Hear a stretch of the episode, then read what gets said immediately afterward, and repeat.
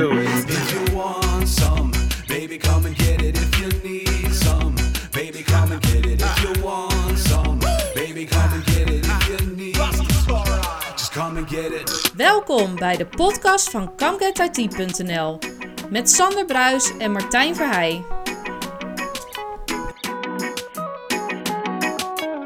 Aflevering 23 alweer van de Come Get IT podcast.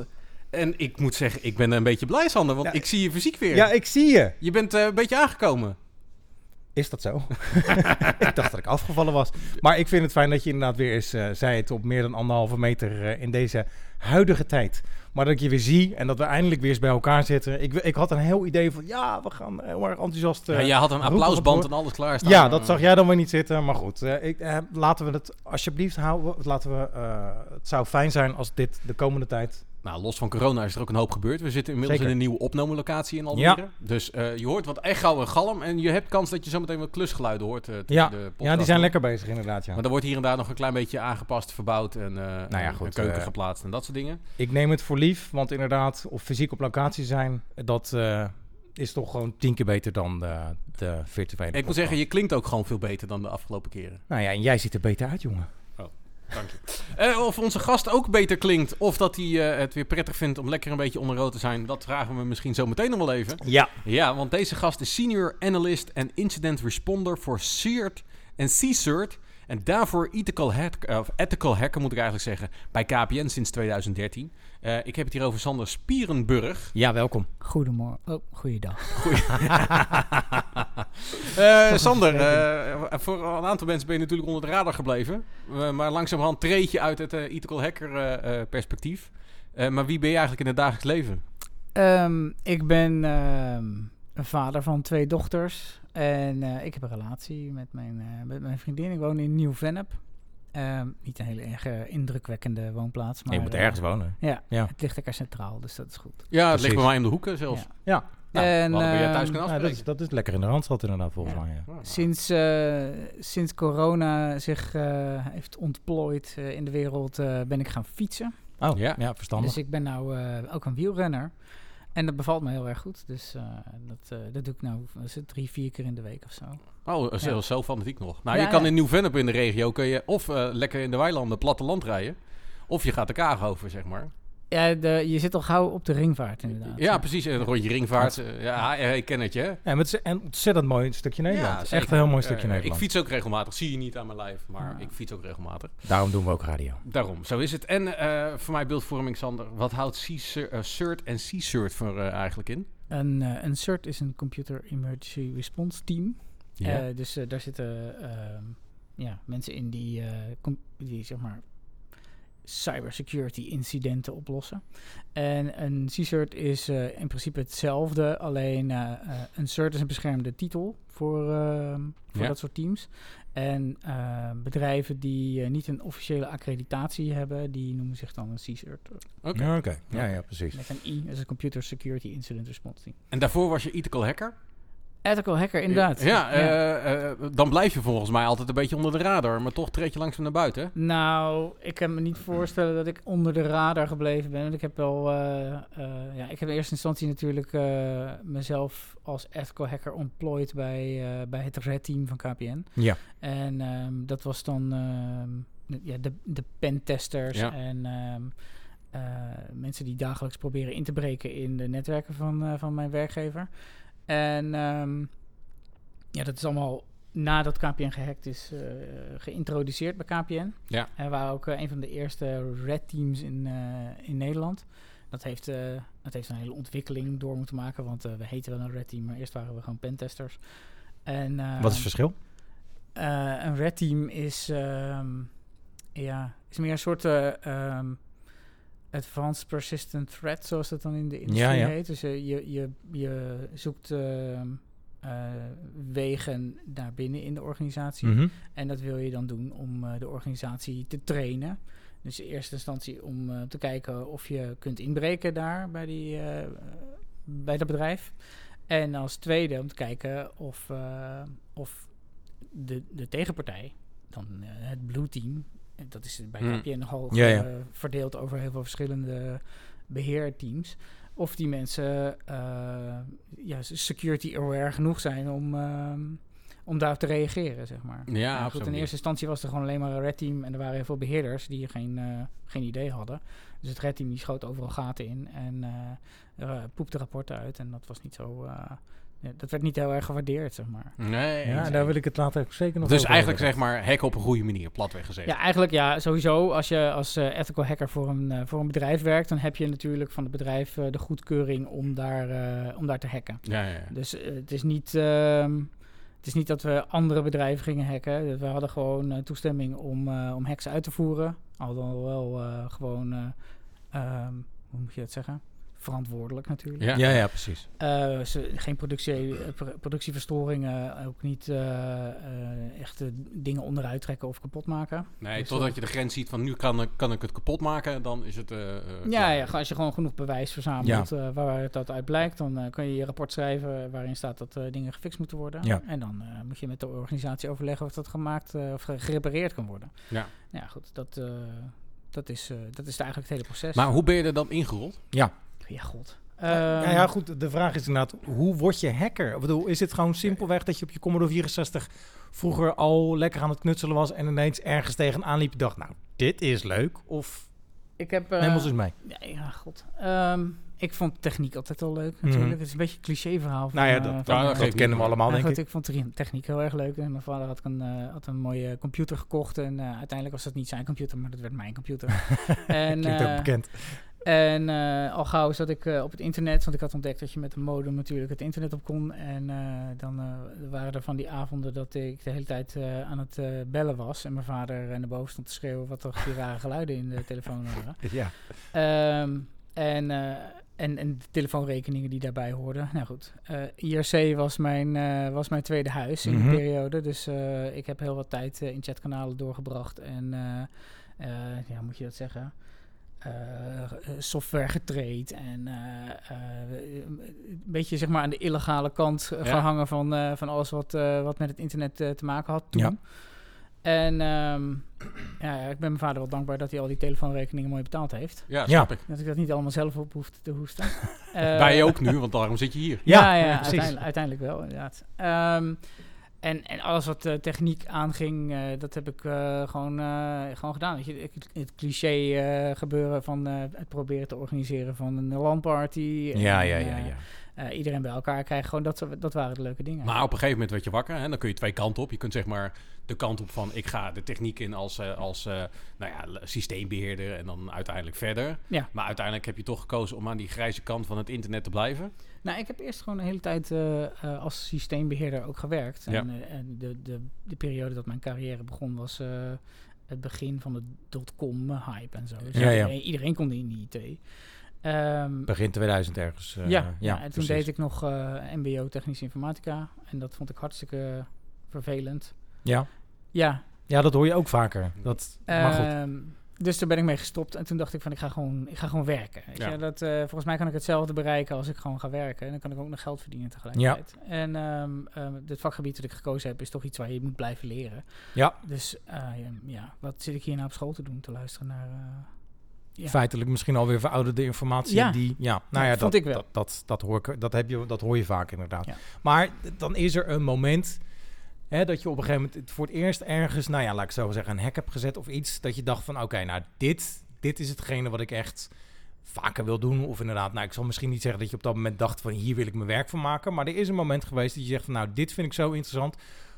Wat was dan het, interessante? Was het feit dat iets open stond, dat je dat ontdekte? Of dat je ehm, daadwerkelijk gewoon puur eh, de, de, de, nou ja, de Nee. actie kon ondernemen? Het is... ehm, doordat je weet hoe technologie werkt, kan je ook, eh, zeg maar, de zwakke... dus zie je ook de zwakke punten die erin zitten. Ja. En ehm, daar kun je twee dingen mee doen. Dat kun je fixen en eh, daar kun je misbruik van maken.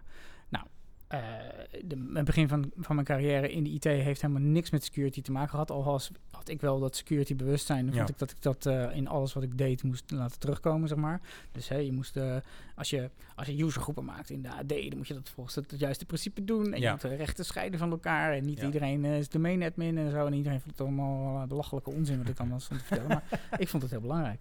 En, was het ook? Is Ja. het ook? Ja, dus het- ik heb dat altijd wel eh, op die manier eh, uitgevoerd in mijn werk. Eh, maar dat, dat was nooit een security gerelateerde baan die ik had. Ik Nee, deed nee. gewoon mijn ding. En ehm, eh, vanuit ehm, eh, mijn werkzaamheden die ik eh, deed, ben ik uiteindelijk bij eh QWise terechtgekomen. Dus, eh, er is een lange periode geweest waarin ik gewoon onwijs aan het aankloten was met alles wat ik maar kon doen, zeg maar. Met, eh, vooral met Microsoft producten bij, Ja. eh, bij verschillende organisaties in Nederland.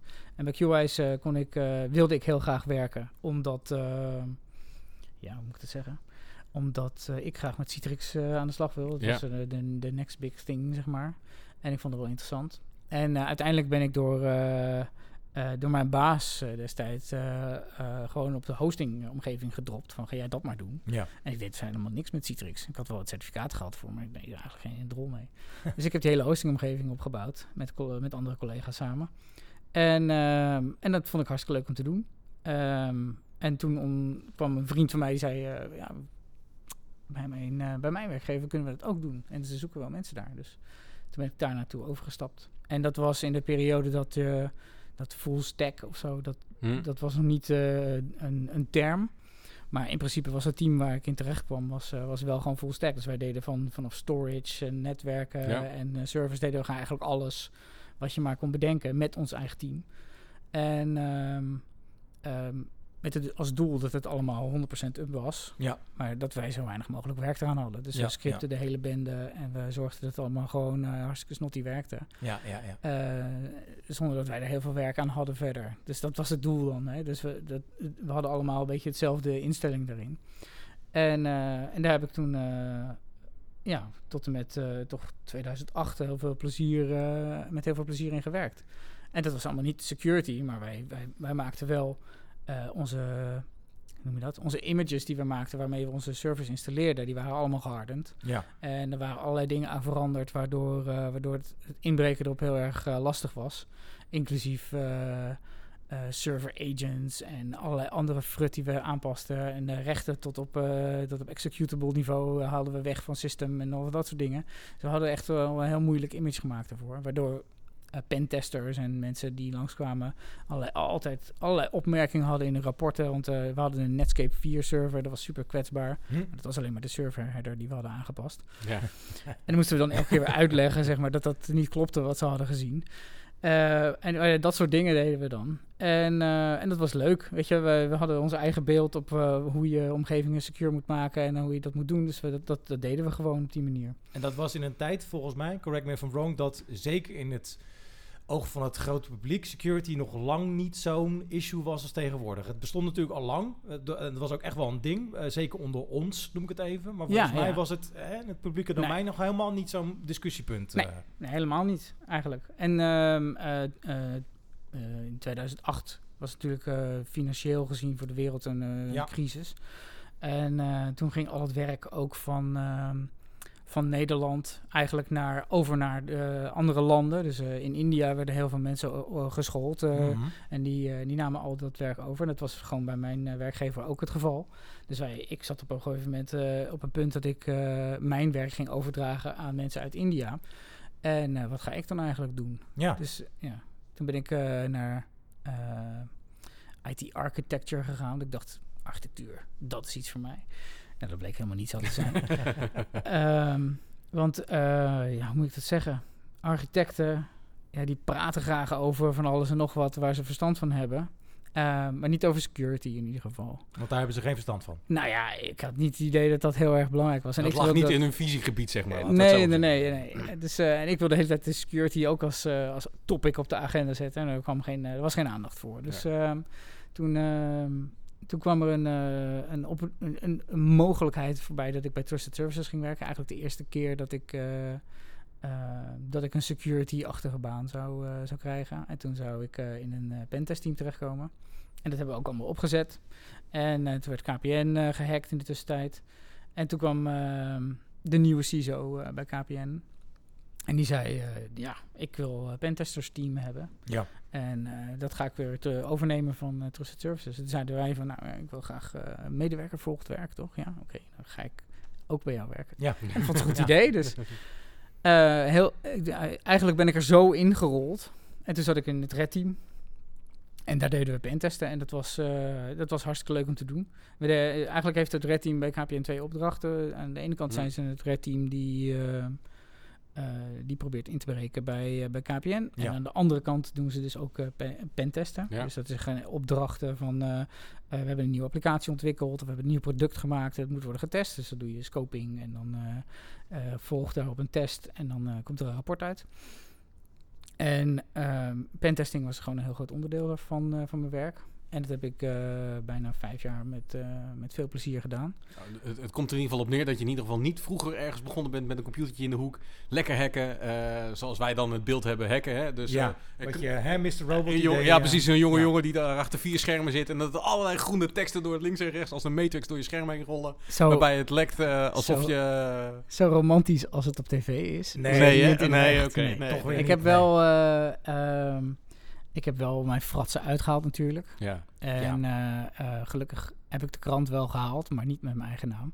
Oh, Eh, kunnen, ja. waar kunnen we dat teruglezen? Ja. We gelijk Het staat thuis ingelijst. ja. En, er zijn maar vier mensen die het weten. Dat zijn je gezin en... nee, dat zijn de drie eh kornuiten waarmee ik dat uitgehaald heb natuurlijk. ja. Ja. En ehm, ik denk dat er nog wel een reporter is die het heeft al weten te achterhalen, maar dat is al lang geleden. Ehm, dus dat was leuk. Maar dat was ook wel een eye- eye-opener van... ehm, oké, ik moet hier wel eh, op mijn tellen passen. Dat ik niet eh, ehm, een misstap maak en dat het straks eh, zeg maar tegen me werkt. Want ik wilde wel gewoon mijn carrière in de IT... Ja, ja, ja, ja. Ja, je wilde nog wel een normaal leven eh, leiden, zo gezegd. Nou ja, ik wil niet dat, eh, dat door de, de fratsen die ik uithaalde, ik uiteindelijk eh, niet meer mijn, mm, ja, mijn, mijn passie kan uitoefenen. En Ja. dat is eh, gewoon bezig zijn met techniek en, eh, en eh, ja, eh, klanten beschermen en klanten blij maken. Het is een beetje dubbel, want aan de ene kant heb ik natuurlijk als consultant gewerkt en dan wil je gewoon eh, eh, voor je klanten de beste oplossing eh, eh, bedenken en implementeren en dat eh, de klant daar blij van wordt. Precies. Dat is ja. gewoon een directe feedback die je hebt. Ja. En als je, wat ik ook ervaren heb, is dat als je voor een stafafdeling gaat werken, zoals bij, zoals bij KPN gedaan heb, dat het gewoon ehm, lastig is om die voldoening Hmm. eruit te halen. Dus wat, wat is nou mijn toegevoegde waarde? En daarom ben ik op een gegeven moment ook van het red team af naar het bloedteam gegaan omdat ehm, als je een redteamer bent, dan uh, uh, je doet je test, je produceert een rapport en daar houdt in principe jouw verantwoordelijkheid op. Juist. Dus uh, het enige tastbare bewijs van je werk is dat ene rapport. En uh, als je wil dat er wat gebeurt in security, dan uh, moet je niet uh, het idee hebben dat ieder rapport zeg maar, uh, leidt tot een verandering. Zeg maar. En dat, dat stak mij wel. Weet je? Ik vond het wel dat ik wil gewoon wat meer impact hebben. Dus toen dacht ik van, nou goed, ga ik kijken of ik een, aan de defender kant terecht kan komen. Ja. En en daar uh, wat meer impact uh, kan hebben. Hm. Nou, ja. dat was ook. Ik heb, we hebben het een aantal keer over security gehad. En een van de dingen die daarin naar voren is gekomen met de gesprekken die we gehad hebben over mensen die in de security op verschillende uh, manieren actief zijn, is bijvoorbeeld: hè, het is leuk al die rapportages en, uh, en dan kijk ik het even vanuit de, de hoek van de black hatter misschien. Zijn dat dingen waar een gemiddelde hacker mee bezig is? Of is dat, zijn dat dingen die echt uiteindelijk, precies zoals je omschrijft, wel een heel erg toegevoegde waarde misschien nog hebben? Of is het een mooie papieren molen die nodig is, maar meer dan ook dat niet? Ja, ja hoe moet ik het zeggen? Ik ben, ik ben een, um, um, uh, een tamelijk praktisch persoon. Mm-hmm. Dus uh, dat soort uh, papieren exercities, ja, moet ik het zeggen? Spreken me niet heel erg aan, zeg maar, vanuit, vanuit mijn persoonlijke ja. visie.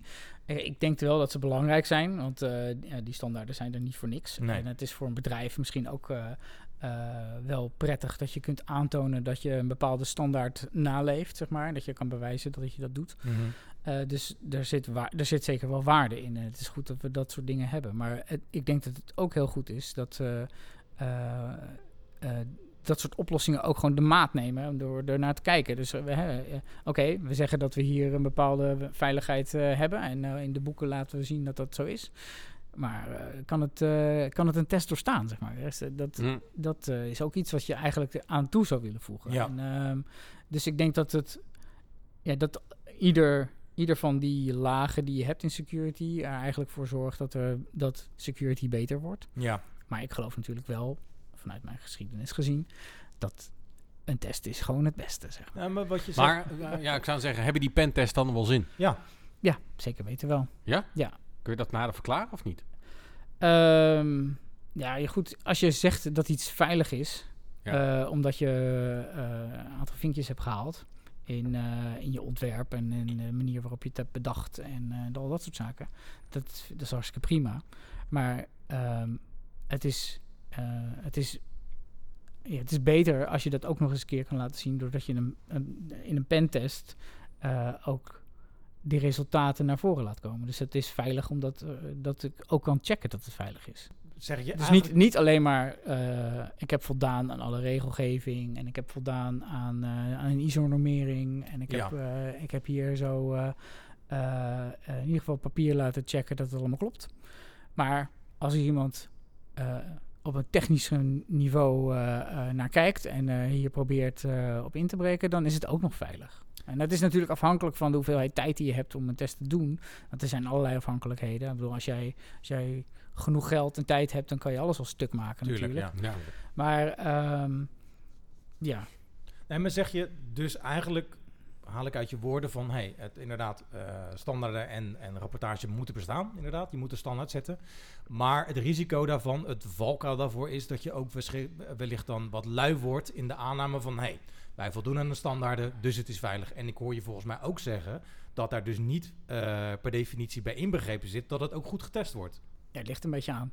Kijk, als jij, eh, als jij als opdrachtgever niet eh, heel veel geld hebt om, eh, om aan een pentest uit te geven, Ja, en je beperkt de scope heel erg waarin een test mag plaatsvinden, dan kan je een pentest laten doen die bewijst dat iets veilig is, een deel van een oplossing bijvoorbeeld. ja. Ehm, maar dat hoeft niet per se te zijn eh, eh, de, de hele oplossing. Of, eh, de, de- omdat er te weinig tijd is geweest, heb je misschien niet alles kunnen testen. Nee, Dus, precies. Maar zie je dat dan veel, heb je dat veel voorbij zien komen in jouw... Het is, een af, het is zeg maar een, een balans die je moet zien te vinden. En de, de meeste goede pentesters die je kent, die kunnen wel een afweging maken. Oké, dit is zo'n oplossing, dit zit daar in elkaar. ja, Laat ik hier eens mijn, mijn voelsprieten insteken. En, eh, en kijken wat daar te vinden valt. En de, de, ja, dat, dat heeft. Ik denk dat het me- meestal wel goede resultaten heeft. Ja. Je, zal niet, je zal niet echt alles afdekken, misschien. Nee, maar je, je gaat op dit moment dan ook uit van de kwaliteit van de pentester zelf. Maar ik kijk Ja. het dan eh, ook vanuit de, de blik van de organisatie. Die inderdaad een aanname doet van nou, wij voldoen aan standaarden, dus het is veilig. Hè? Even heel gechargeerd. Ja. Ehm, maar dan ben je dus afhankelijk in dit geval van de pentester zelf, die dus in kan schatten dat hij het juiste test. Dus eigenlijk laat er dan wel een ruimte over om een, een security breach te laten ontstaan. Of ga ik dan te ver? Er bestaat altijd de mogelijkheid dat je iets niet getest hebt. En eh, waar later blijkt dat het nog steeds lek is. Dus het blijft mensenwerk. Tuurlijk, ja. Ja, precies. En, eh, en een pentest is niet een. eh, is niet een. een, een, eh, Het is niet de standaard set aan testen die je uitvoert. Nee, of, het is niet eh, een functionele test bijvoorbeeld. Nee, precies. Het, Het is is echt, gewoon eh, op basis van inzicht wil Ja. je, ga je kijken naar of je daarin kan komen. En, of je, en er zijn natuurlijk wel bepaalde eh, checklists die je sowieso moet aflopen. Om Ja. te kijken of je ergens in kan komen.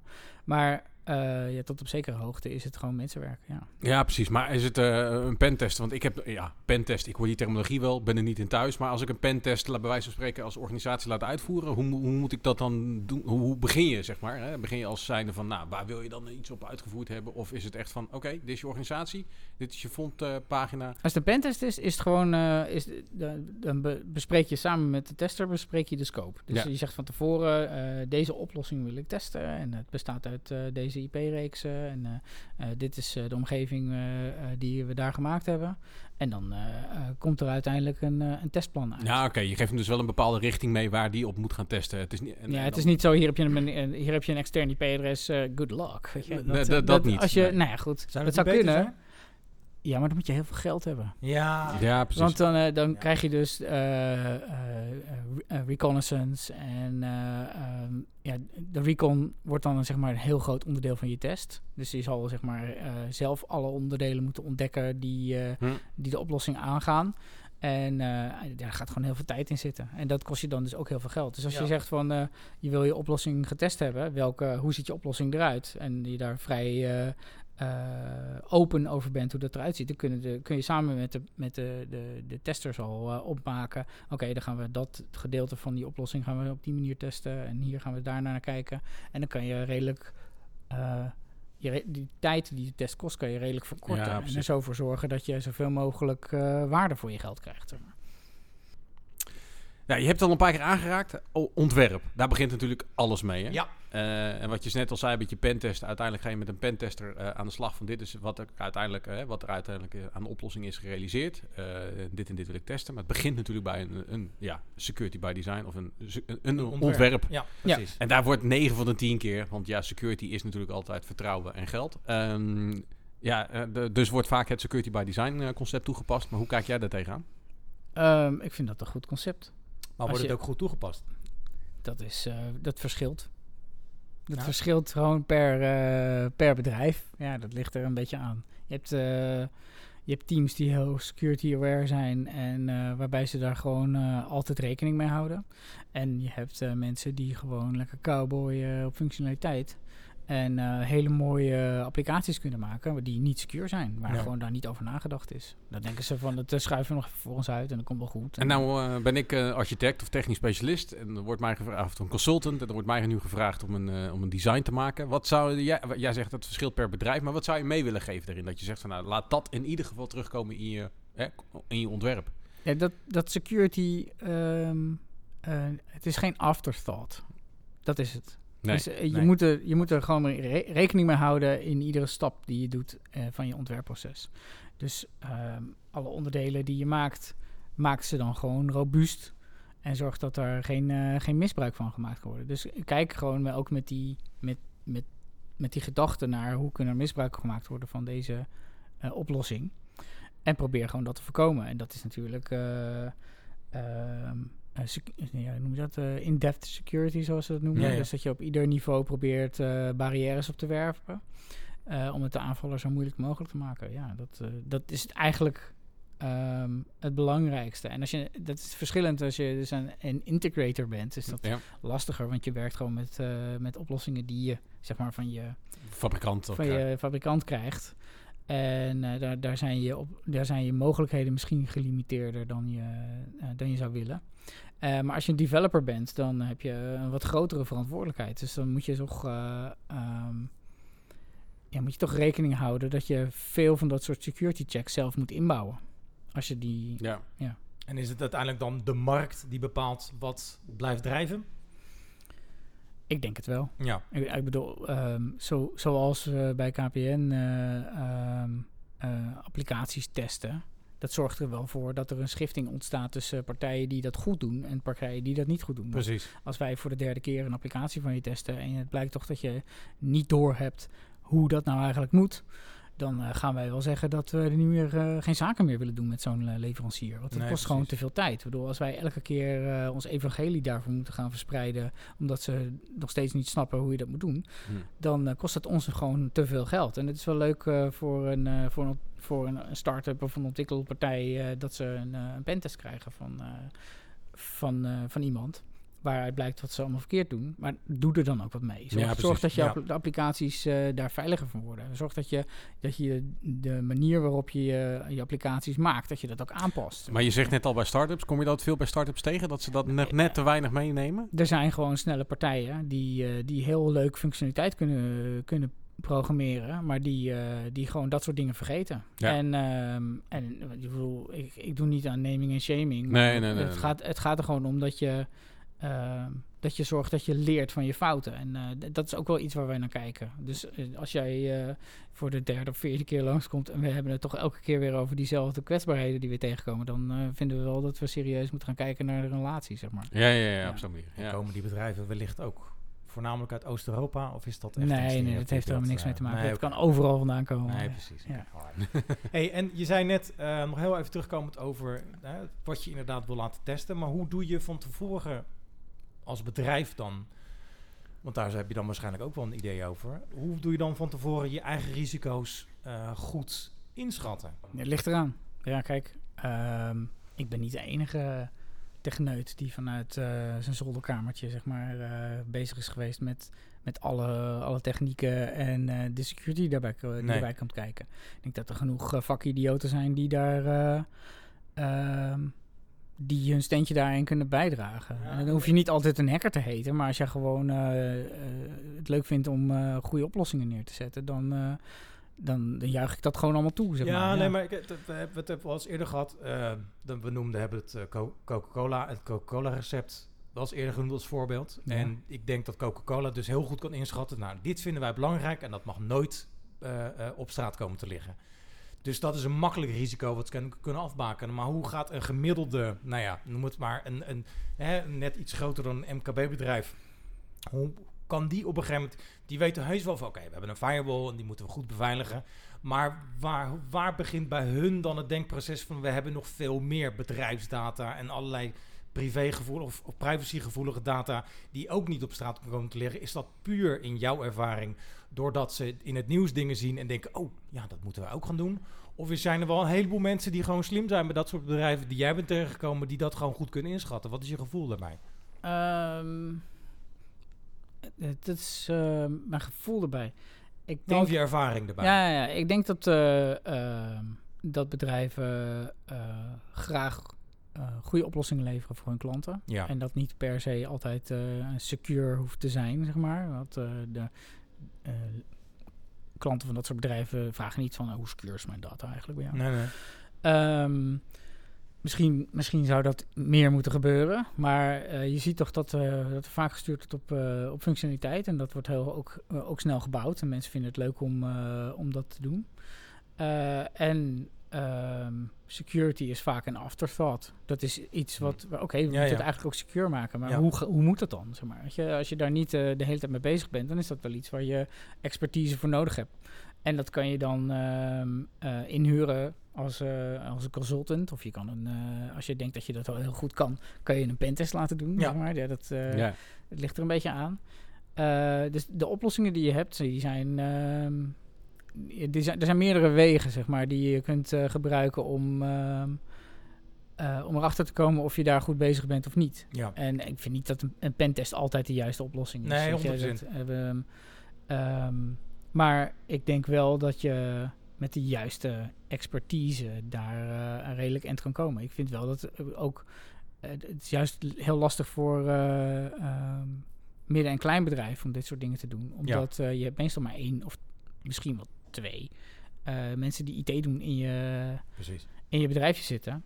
En, ehm, en je wil gewoon functionaliteit hebben. Dus Ja. eh, ja, de wetten die er nu zijn, die zorgen ervoor dat je, dat je meer aan eh, security moet doen. En Ja. dat, er, dat je uiteindelijk ook daar boetes voor kan krijgen als het niet goed gaat. Ja, nou goed, dat, dat Maar is het dus meer proactief geworden ten opzichte van vroeger, waar het wat meer reactief was? Heb je, zie je dat wel? ja, ik denk wel. Ik denk Ja. juist door, door regelgeving Precies. is het zo dat je nu... ehm, eh, ja, je, je moet nu zorgen dat het veilig is, Ja. zeg maar. En dat Ja. was vroeger een beetje een soort van grijs eh, speelveld of zo, een grijs gebied.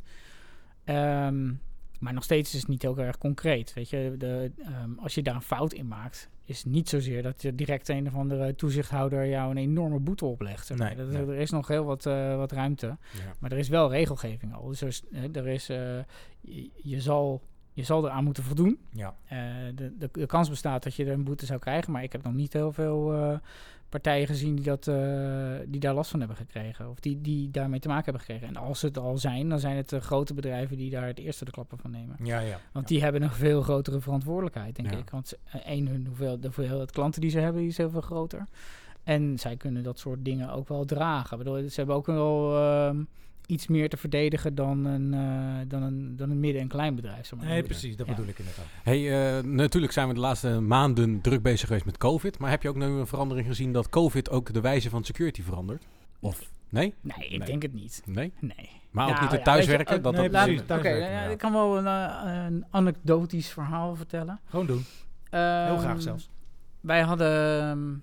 Eh, we- je hebt natuurlijk eh, de situatie dat iedereen nu aan het thuiswerken is. En je hebt dan een laptop gekregen van je werkgever. En eh, dan eh, ja, je, sluit, je hebt je netwerkverbinding thuis, sluit je de dingen aan. Dan ga je gewoon zitten, zitten computeren Ja. voor je werk. En, ehm, en het kan gewoon vo- voorkomen dat je dus eh, met, jouw, met jouw laptop van je werkgever... dat je gewoon op het internet terechtkomt. Zeker weten. Heel ja. toevallig. Dat Ja. kan wel eens Ja. gebeuren, ja. Ja, ehm, daar hebben we eens naar gekeken. eh, want wij hebben natuurlijk heel veel eh, endpoints bij, Ja. eh, bij KPN. Dus we hebben daar eens naar gekeken, omdat we, we hadden net Windows Defender geïnt- geïntroduceerd. En dan kan je gewoon met een redelijk eenvoudige query kan je daar heel veel informatie uithalen. Dus we hadden gekeken naar hoeveel ehm, van onze werkstations eh, wordt nou zeg maar op ingelogd. Hoeveel field login pogingen worden nou eh, gedaan Mhm. op werkstations vanaf publieke IP-adressen. Ja. Nou, daar kwam gewoon een hele rits aan, eh, aan machines uit waarvan ik dacht, hoe, hoe, hoe kan dit nou? Zeg maar, wat, is dat, eh, wat is dat voor rare... Iedereen heeft toch een router, daar zit je toch gewoon achter. Zo. Ja. Ja, ja, ja, ja. Nou, dat is dus ni- niet in alle gevallen het, eh, de situatie. Eh, je hebt bijvoorbeeld studenten die in een, eh, in een campus wonen. Die hebben gewoon een eh, netwerkaansluiting van, eh, Van de campus. van de campus. Ja. En er zitten er gewoon mensen bij die steken dat ding zo hup, in hun laptop. Ja. En dan gaan ze er op het internet op. Ja. Maar er zit dus geen firewall tussen. Je hebt gewoon een publiek IP-adres. Ja. En, ehm, en er zijn gewoon aanvallers die de hele tijd het internet scannen om te kijken of er poorten openstaan. En die gaan dan zitten hameren erop. Dat is al zo oudste weg naar Kralingen ja. natuurlijk. Ja, ja, ja. Ehm, en vroeger eh, vonden we dat heel erg fout. Maar dat, het gebeurt gewoon zoveel. Dat is gewoon de normaal geworden.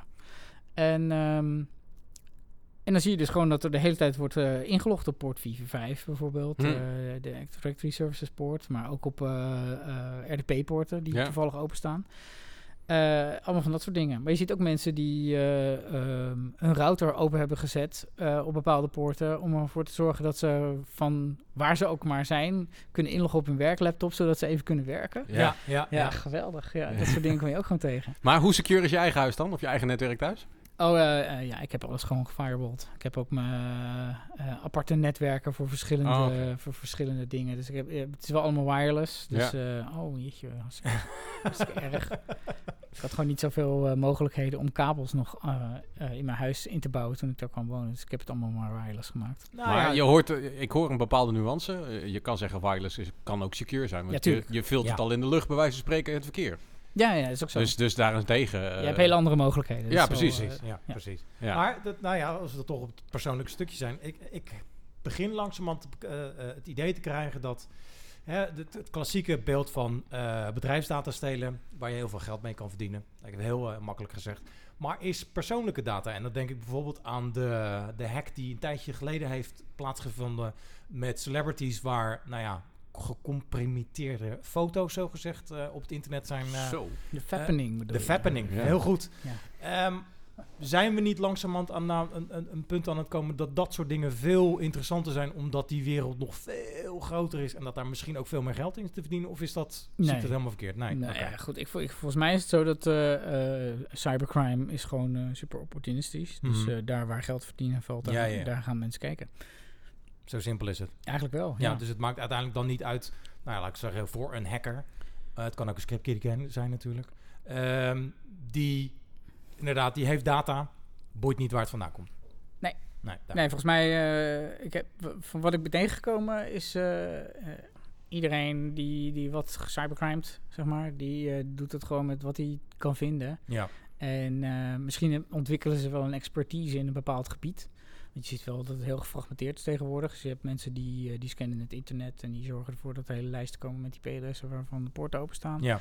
En je hebt mensen die proberen zeg maar eh, credentials te verzamelen. Dat is, dat is iets wat de laatste tijd wel eh, een sinds de laatste jaren wel een heel erg populair ding is geworden. Daar, waar je van die credential stuffing lijsten hebt. En Ja, natuurlijk ja. heb je. Ivy Pound, is zeg maar de, de, de bekende, het bekende goede voorbeeld van Ja. dit verhaal. Ben ik eh, lid van ook. eh. Ja. Ja. ja. goed. Er Ja, zijn, ik heb een er- paswoordmanager die gewoon daarnaar kijkt. hè? Ja, de, ik, idem dito. Ja, Precies. ja, goed, dat is handig. Ja. Ja, gelukkig. ja. Ja. En ik, I have been pwned, Ja. by the way. Natuurlijk. Ja. Ja, wie niet? Ja. Ja. Nou ja, mevrouw geloof ik. Maar die ze zit- niet- die, die zit- ze, ze zit wel op internet, hoop ik, hè? Ja, ja ja. nee, oké. twijfel trouwens. Je zit, je zit zo al in heel wat eh, van die, eh, ja, noem dat, van die, van die lijsten waarin al die credentials en eh, dingen gestuft worden. En dan heb je bepaalde hele grote lijsten waar informatie in zit, die gewoon hergebruikt wordt. Dus Ja. eens in de zoveel tijd komen van die stuffinglijsten uit en dan denk je, oh ja, jij hebt die informatie van LinkedIn daarin zitten en die Ja. van Last.fm heb je daar en dan eh, heb je hier nog wat van. Ja, en dan krijg je een e-mailtje met eh, een oud wachtwoord erin. En dan zeggen, Bijvoorbeeld, dan denk ik, eh, oh ja, dat is ja. voor die breach Ja, geweest. ja, precies. Ja, dat is dan wel leuk. Nou, ik- nou goed. Nou, op die manier hebben ze een paar jaar geleden, las ik kort geleden, hebben ze het Twitter-account van Donald Trump in 2016 weten te hacken. hè? Nou ja, kijk. Ik heb, maar- het, eh, ik heb het gisteren ook gelezen, ja. Oké, dat- Ja, nou, kort geleden zei ik. Ja. oh god, kort geleden. Dat is de valkuil. Ja, ja, ja, dat maakt op zich niet uit. Eh, Sander, ik, even... Ik zat uiteraard, zoals ik dat bij el- elke gast doe, even natuurlijk eh, je LinkedIn-pagina nog even door te scrollen. Yes. En eh, daar zag ik ook staan dat je secretaris bent van de stichting Cyberpaint. En daar wilde ik graag nog wat meer over weten. Kan je daar wat meer over vertellen? Oké. Ehm, wanneer was dat? 2013, geloof ik. Toen ehm, werd er op Twitter wat... ehm, ja, hoe dat? Er, er was een soort van amicale situatie ontstaan tussen eh, de, de politie, eh, wat eh, hackers, die een conversatie hadden over ehm, hoe toch ehm, ehm, de hackerswereld een beetje verdeeld is Mhm. onder elkaar. Dus je hebt zeg maar Anonymous en je hebt zeg maar de, de Black Hats en je hebt zeg maar de White Hats. En eh, de mensen in het bedrijfsleven. Ja. En de overheid natuurlijk. En de overheid is dan zeg maar verdeeld in eh, de politie en eh, ja, de overheid zoals we die verder kennen. Zeg maar. En Anonymous, Anonymous in dit geval zijn dan Grey Hats? Anonymous, ja, dat was toen zeg maar een hele groep mensen die eh, ehm, Anoniem wilde blijven. vooral, vooral anoniem wilden blijven, maar wel, eh, maar wel eh, eh, problemen aan de kaak wilden stellen. Ja, zeg maar. ja. De, en met name dan over, eh, het was meer een activistische Ja, ja, ja. eh, groep Precies. mensen. En die, het ging niet meer per se over eh, kwetsbaarheden aan zich, maar gewoon. ehm, het gaat de verkeerde kant op met de wereld. En, en, en de activistische houding die daar Ja. eh, eh, uit blijkt, eh, is, eh, is Anonymous geworden. En daar waren allerlei onderwerpen die Anonymous kon, kon aanraken, waardoor, waardoor het ineens actueel werd. Zeg maar. Precies, ja. En, en hun, hun voornaamste eh, tool in die periode was DDoS. Ja, ja, ja. En dat is tegenwoordig niet meer alleen van Anonymous, maar daar, daar zijn meerdere mensen die DDoS eh, gebruiken om, eh, om hun, eh, frustratie te punt- uiten. ja, hun frustratie te uiten of een punt te maken. Zeg maar. ja. Heel goed gezegd. Ja. Ja. Ehm, eh, maar in die periode was, eh, was Anonymous dat. Zeg Ja. maar. Daarna kreeg je wat Occupy-achtig. En dat is een soort van eh, ja, vage groep van mensen die... ja, het morft ook alle kanten al. ja, eigenlijk wel. Precies, ja. Maar in die periode was Anonymous dus eh, mensen die, eh, die maatschappelijk eh, het debat met betrekking tot internet security heel belangrijk vonden. Nou, Ja. Wij hadden, ehm, ehm, en wij is dan zeg maar Oscar Couro eh, en ik, die, die vonden het belangrijk dat we die groep eens een keer bij elkaar zouden brengen. En dan kon, ja, hoe kunnen we dat nou doen? Dus we dachten eraan om een soort van eh, lagerhuis te organiseren. Ja, waarbij ja. we al die, Mm. al die fracties uitnodigen om eh, eens te spreken over een onderwerp. En, ehm, en we dachten, nou, dat, als we dat willen realiseren, dan moeten we toch eh, kijken of we, dat, eh, of we daar één geld voor kunnen ophalen. En dan twee eh, iets, eh, iets gaan doen. En dat is dan, dan eh, paintball is dat geworden. Ja. En, eh, want wat is er leuker dan eh, zeg maar elk- elkaar de maat nemen in een, eh, in een publiek debat. Ja. En daarna zeg maar onze meningsverschillen wat kracht bij te zetten Ja, ja, ja, paintballs. ja, zeg maar. Leuk. Dus, ehm, eh, en daar bleek veel, veel animo voor te zijn. Dus ehm, wij hebben bij, bij bedrijven sponsoring gevraagd om, om zoiets te organiseren. En daar was Operation Cyberpaint ineens geboren. Dus we hebben een stichting opgericht. En daar ben ik dus nu secretaris van. En eh, we hebben twee, drie keer hebben we een Operation Cyberpaint georganiseerd. En daarna hadden we het gewoon heel druk met ons werk. Ja, ja, ja. Dus nu vraagt iedereen de hele tijd, komt er weer een Operation Cyberpaint? En eigenlijk hadden we dit jaar bedacht, we gaan er weer eentje doen. Want het is hartstikke leuk eigenlijk. En toen kwam kwam er Ja. een of ander virus. Ja, Die ons nu... eh, Ja, ja, die je niet eventjes met shift delete kon verwijderen. zeg. Nee, nee, nee, precies. En het is ook niet heel erg eh, eenvoudig om... Heb je eh, geen virusscanner voor? nee, Nee, nee. om een tactisch spel te gaan spelen in een, eh, in een afgesloten ruimte waar je Nee, zeg maar heel nee. veel gaat heel- ademen. Precies. Biedt ja. wel openingen voor digitale mogelijkheden. Eh, ja, maar ik denk dat het minder indrukwekkend is dan, ehm, eh, ja, dan, dan zeg maar een Ja, paintball de- de- tegen de je hè. aankrijgen. Dat, dat is toch ook wel heel erg... eh, Maar je zegt dus, je hebt dus een aantal evenementen, dus een, een aantal paintball eh, eh, wedstrijden, hoe zou ik het zeggen, paintball matches Ja. gehad met inderdaad eh, leidinggevende mensen uit het hackerswereldje, dus mensen die er elkaar nou ja, op, op cybergebied wellicht eh, eh, eh, eh, eh, elkaar hadden- naar het leven stonden, naar, Na het elkaar leven. naar het leven stonden. ja. Maar op die manier inderdaad wel bij elkaar. En is daar ook dan ook iets concreets uitgekomen met inderdaad meer begrip voor elkaar? Ik denk dat dat wel eh, heeft geleid tot, eh, tot in ieder geval eh, meer luisteren naar elkaar standpunten. Ja, ja. En ehm, eh, dat, dat debat voeren is ook wel heel goed. Ik denk dat dat, ik denk dat, dat dat vaker moeten doen. Ja. Ehm, want ja, als je alleen maar in je eigen fractie zit te redeneren over hoe het gaat met security van iets, terwijl iemand anders daar een heel ander beeld over heeft, eh, dan, dan- ja, dan, dan kan je bepaalde dingen missen, zeg maar. En Nee, dat is ja, juist iets wat we, wat zo. we daar probeerden eh, samen te brengen. En er was, er was zeg maar de discussie of dat lagerhuis, wat we in eerste instantie deden, of die prikkelende, ehm, hoe moet je dat zeggen, die prikkelende onderwerpen die we hadden, zeg maar, Ja, ja, die, die waren dan een soort ehm, opstapje om ehm, met elkaar in gesprek te raken. En dan hadden we zeg maar die, dat, dat informele paintball daarna, Hmm. om, eh, om ervoor te zorgen dat eh, mensen met elkaar gingen mengen. Want Ja. we deden natuurlijk, ja, de, de politie deed mee. Ja, die vonden het natuurlijk hartstikke leuk om te schieten op mensen. ja, ja. die, ja. eh, die, Die, die, die normaal- konden eigenlijk een training een beetje ja, brengen. precies. En aan de andere kant vond Anonymous het ook wel interessant om, eh, om de politie eh, eens onder, eh, eh, onder schot te nemen. En, eh, en dat was hartstikke, dat, dat bracht hartstikke leuke situaties eh, eh, naar voren. En eh, ik geloof dat eh Brenno heeft ook meegedaan. Oké. Eh, Ja, ja. Dus, en die was helemaal hyped over dat hij, dat hij geraakt was. En nou, goed, weet je, dat, het, het, was, het was zeg maar...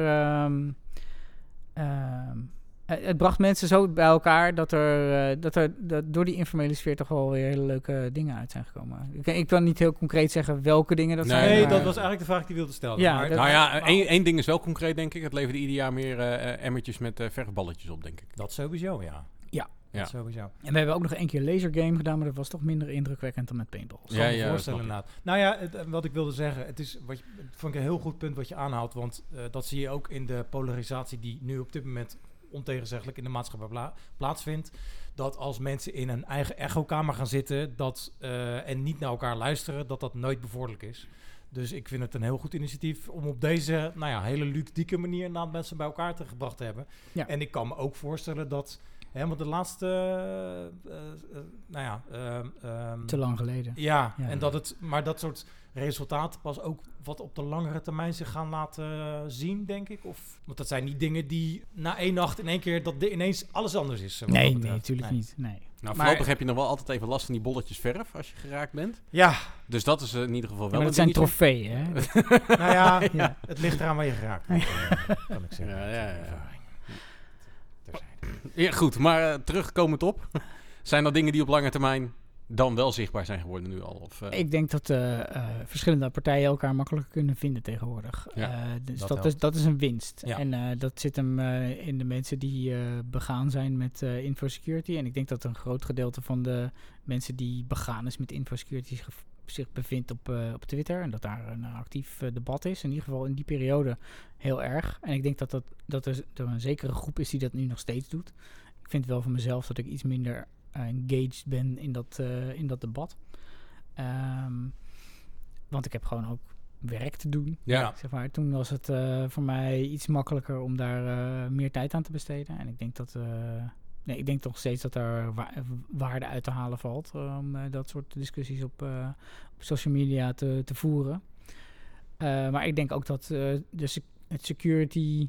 Eh infosecurity, zeg maar, als, eh, als vakgebied ook wel wat serieuzer is geworden in, de, in die periode. Zeker. En dat- Absoluut. Ja. en, dat, en dat daardoor mensen misschien eh, iets minder openlijk debat voeren over dat soort dingen. Dus misschien zou het eh, interessanter zijn om toch Ja. weer eens een keer Cyberpaint te organiseren. Nou, ik zou Ja. zeggen, Ja. eh, het zit dus in het achterhoofd. Dus we kunnen de fans van Cyberpaint kunnen we eh, in ieder geval warm maken. Het zit nog in het hoofd. ja, zeg maar. we spreken ons er vooral op aan, denk ik. Ja, Ja, ja, wij hebben een half jaar een podcast op moeten nemen. eh, niet op locatie. We zitten gelukkig ook weer bij elkaar. Dus laten we hopen dat dat eh, wellicht ook een eh, voorbode is voor een eh, toekomstig evenement op korte termijn. Ja, wellicht. Nou, daarover gesproken om weer bij elkaar te zitten. Eh, Ja. Dat betekent dat we weer iets terug kunnen brengen in het programma. Ja!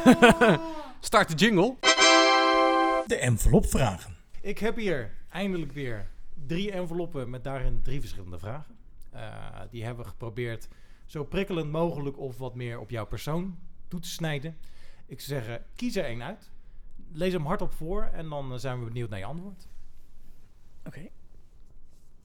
Kijk. Is een keertje niet de middelste. Nee, Dat, eh, daar hou ik van. nee, het is ook niet zijn politieke voorkeur, denk ik. Kijk. De rechterkant. Ja, voor sommige kijkers links. Ja, nee. Ik had eigenlijk Black Hatter moeten worden. Dan was ik nu rijk geweest en had ik niet met jullie hoeven praten.